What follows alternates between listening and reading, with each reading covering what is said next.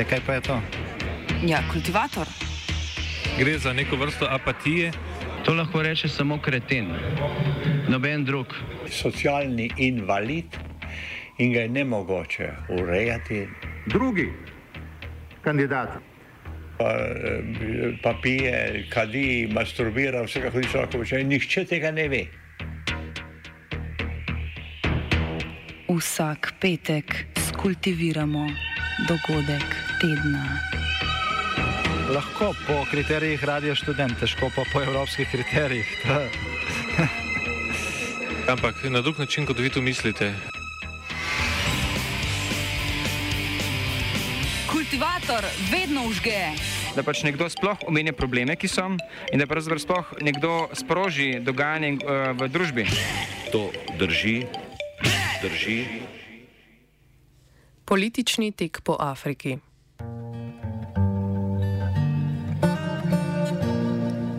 Poletni dnevi niso prinesli zgolj vročega zemljinega površja, temveč tudi razgreto mednarodno politiko. V luči najodmevnejšega dogodka leta, rusko-ukrajinske vojne, sta afriški kontinent ta teden obiskala francoski predsednik Emmanuel Macron in ruski zunani ministri, minister Sergej Lavrov. Afriške države se niso niti pridružile zahodnim sankcijam, do katerih se na glasovanju v OZN-u mnoge sploh niso opredelile, niti se niso označile za ruske zaveznice. Z energetsko in prehrambeno krizo, ki kot Damoklejev meč visita nad glavami celega sveta, je Afrika kontinent, ki po ocenah svetovnih velesil še ni popolnoma izkoriščen in si zato tam odpirajo novo fronto tekmovanja v političnem vplivu.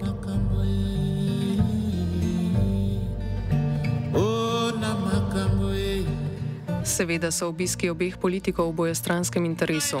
Afrika že čuti in bo še čutila dolgoročne posledice vojne v Ukrajini in še posebej z njo povezanih sankcij. Christopher Gore, profesor mednarodne politike in razvoja na Univerzi Toronto Metropolitan, razloži, katere so glavne posledice dogajanja v Ukrajini za Afriko. Definitely, I think the, the biggest issue is is uh, food prices and food supply. Um, So, uh, for example, I think 40% is a number that I, I've seen 40% uh, of, uh, of grain exported and wheat exports to Africa come from Russia and Ukraine.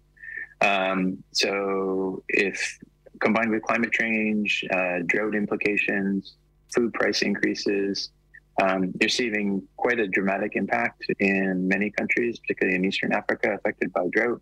Um, and these supplies and the slow pace of the supply um, is a, a, massive concern.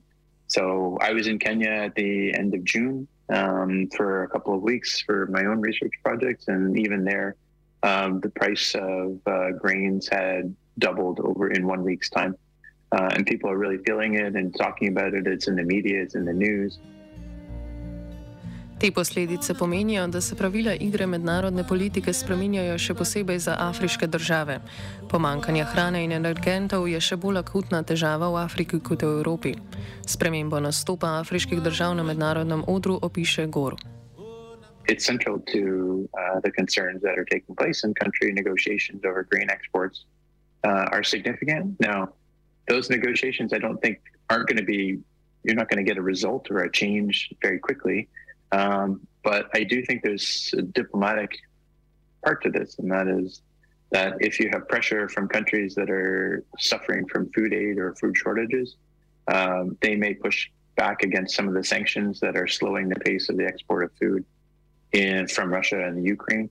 Uh, and therefore, uh, African countries can play a role in terms on the international uh, political context by putting pressure on international organizations or Western countries uh, to try to minimize the impact on the export of those grains.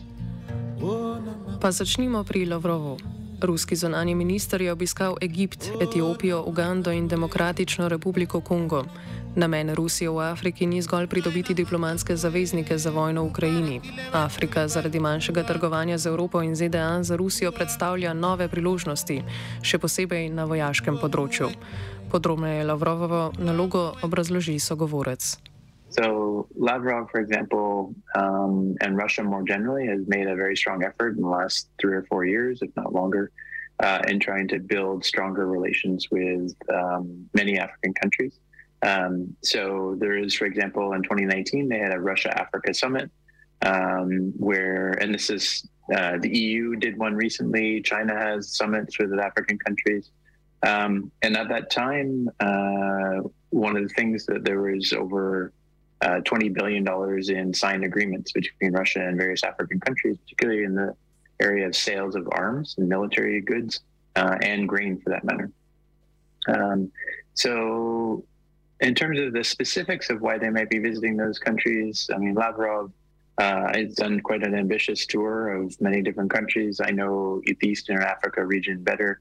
Uh, but military support and certainly ongoing grain supply issues and grain supply shortages uh, in Eastern Africa is very significant. So, uh, getting those countries to be engaged in trying to promote the export uh, of Russian grain is very high. Um, so that would be one, and then the continued military presence and support would be also a big, big reason. Rusija v močnem razmerju, predvsem z vzhodno Afriko, vidi tudi možnost konkuriranja Kitajski. Ta zgradnjo jezov in druge energetske infrastrukture počasi širi svoj gospodarski vpliv vse bolj proti zahodu.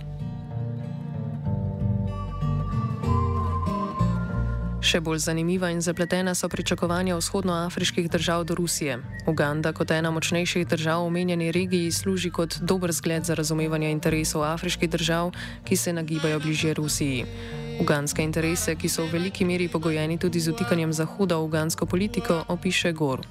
Military aid and support is significant, as well as agriculture exports, but also looking toward the future. Uh, So in Uganda, for example, um, there's been a very has one of the lowest access levels to electricity in all of the subcontinent, um, and uh, they're also investigating the use and the potential development of nuclear power, and nuclear en- energy, uh, and uh, and Russia is very keen to support that and to provide a, a central role or be a central player in that. Um, people have criticized the Museveni regime in Uganda for uh, its own military activities um, and its own excursions into the Democratic Republic of Congo or um, different, supporting different rebel groups. Um, but all that is dependent on strong military support and military arms and arms sales. Um, so, you know, I think 18% is the number I saw. Uh, 18% of arms sales to Africa are from Russia. Um, so these are very strategic roles to play and strategic partners for African leaders to have, and that is Russia is clearly willing to be that. Tako kot je nekoč Jugoslavija omogočala kadrovsko izmenjavo in tehnično podporo državam tabora neuvrščenih, tako danes Rusija omogoča razvoj energetskega sektorja v zainteresiranih afriških državah, kot sta Uganda in Etiopija. Sogovornik podrobneje razloži, kako lahko Rusija priskoči na pomoč državam, ki so v stiski glede električne oskrbe. Russia's strategic value is going to be with respect to knowledge and information sharing. It could be with respect to training as well. So um, obviously, Russia is very well resourced in terms of natural gas, in terms of nuclear power, in terms of other sources. Um, and that is something, excuse me, this is something that they can provide knowledge and training both for students to go to Russia, which is already happening. There are many students, graduate students, who travel to Russia for training, uh, but also in terms of technical know- knowledge and technical training. So, uh, again, even in Kenya, which is, is a very strong, I mean, 75% of the population has access to electricity in Kenya, um, but they too are looking at nuclear power. Um, uh, in Uganda, the access level is much lower. It's uh, around high 20s or mid 30% of the population. So it's a desperate shortage of supply uh, and the connectivity problem and accessing, providing access to electricity is very high. And this is the same. Ethiopia is building dams and exporting electricity. Um, and Russia is a very good and clear example of a place that has expanded and provided access to electricity. Kljub navidezni svobodni izbiri med nekdanjimi kolonialisti in vzhodnimi silami so nekatere države močno odvisne od Rusije in Kitajske, že iz časov pred ukrajinskim konfliktom. Kristofer Gor analizira različne vidike vzhodnoafriške odvisnosti od Rusije, uradne neutralnosti in neuvrščenosti na vkljub. Uh, the big reason, and I think uh, the recent interviews with um, the president of Uganda, Yoweri Museveni, you know, he said, "We're not pro against anyone. We're for ourselves."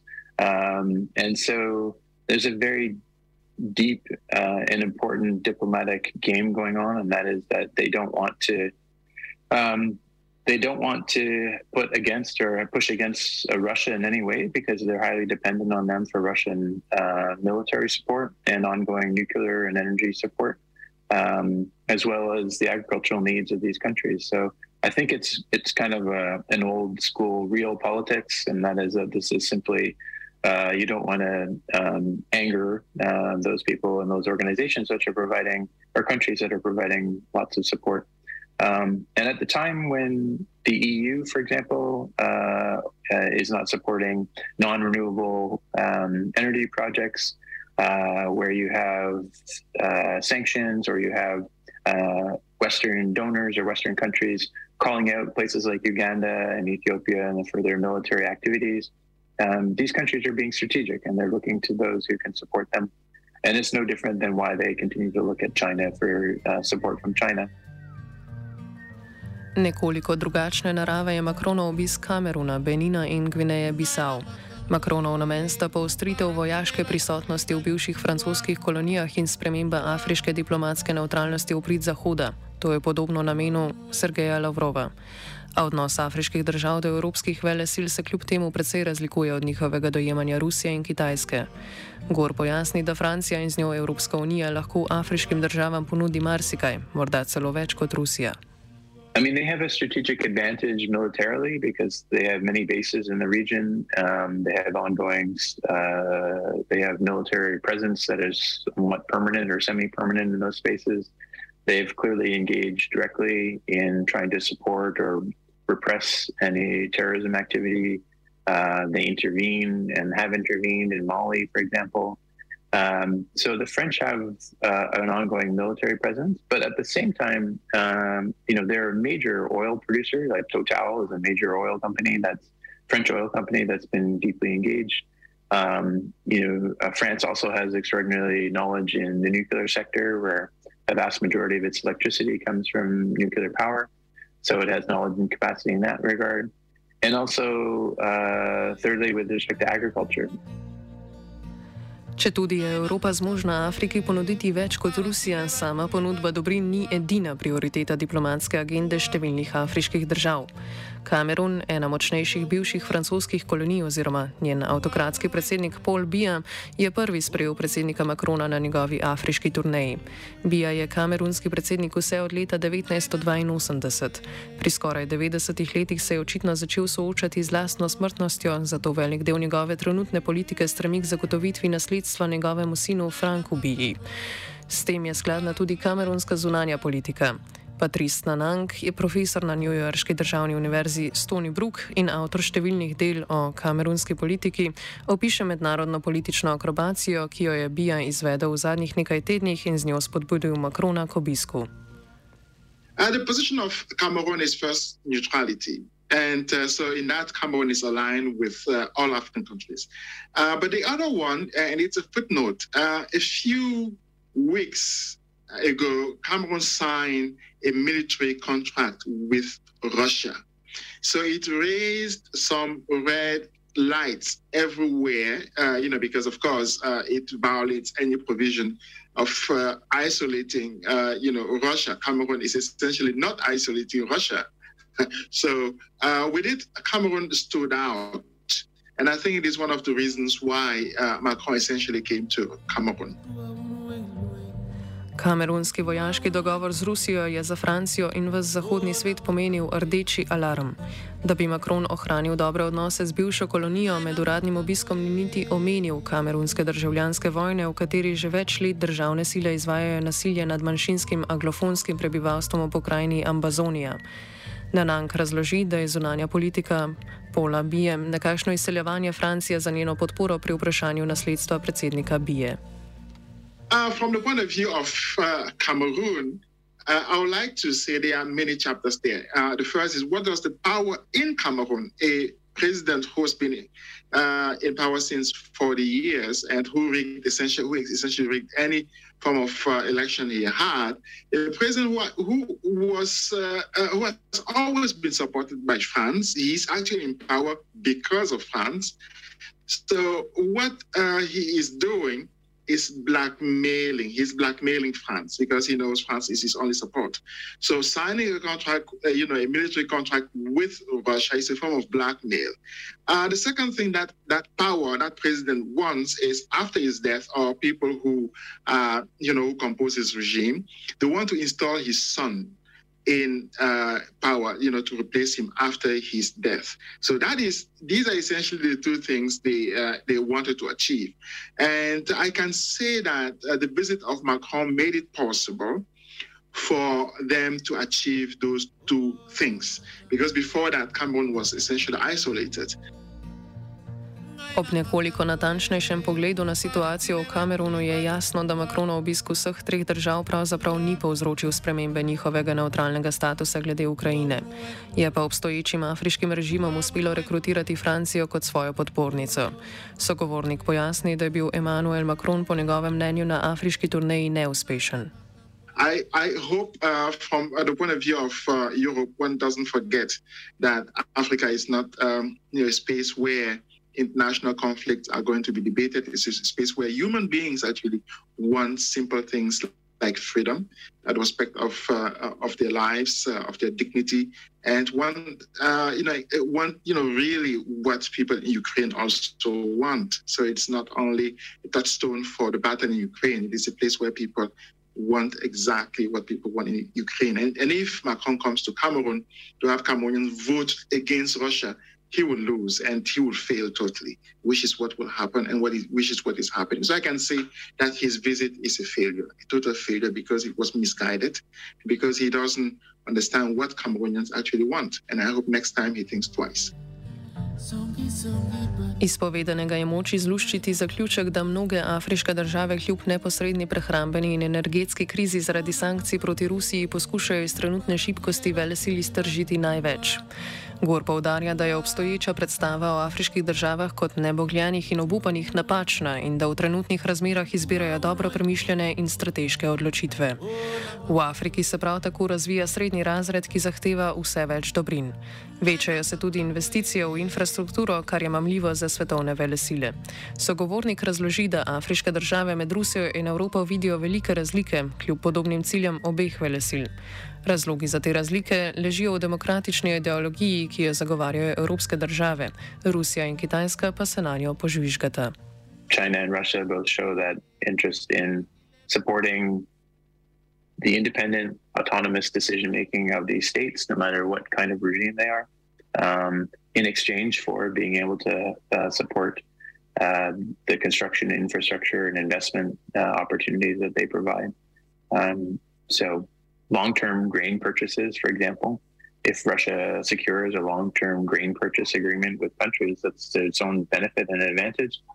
Particularly now, in the context of having its, you know, exports being um, uh, influenced by the sanctions that are in place. Patrice Nanang pa kot nekolikšno prednost Rusije pri političnem lobiranju v Afriki izpostavi zgodovino evropskega kolonializma na afriškem kontinentu. Africa is essentially a neutral zone and it's a place for a total competition. So what is happening is that we have a competition between Russia and uh, you know this European Union and the US. Um, uh, they are simply competing with, with each other, and I think on that level, of course, Russia has um, has a core advantage because uh, you know the West has always stood on the way, I would say, of uh, of most of the fundamental demands uh, of African countries, the first one being, being independence. So, as you know, all African countries were colonized by the West, and their quest for independence was essentially uh, financed by, uh, uh, uh by Russia or by the former Soviet Union. Na prvi pogled zgolj diplomatsko-lobistični obisk dveh visokih politikov sprtih strani je pokazal, da imajo načeloma šibke afriške države skupnim ciljem lahko močan vpliv tudi na svetovne vele sile. Pri pogajanjih s tujimi predstavniki pa si afriški voditelji očitno znajo izboriti tudi izpolnitev svojih najglobljih osebnih želja. Očitno so bili evropski kolonizatorji dobri učitelji. Afriško turnejo je skultiviral Vito.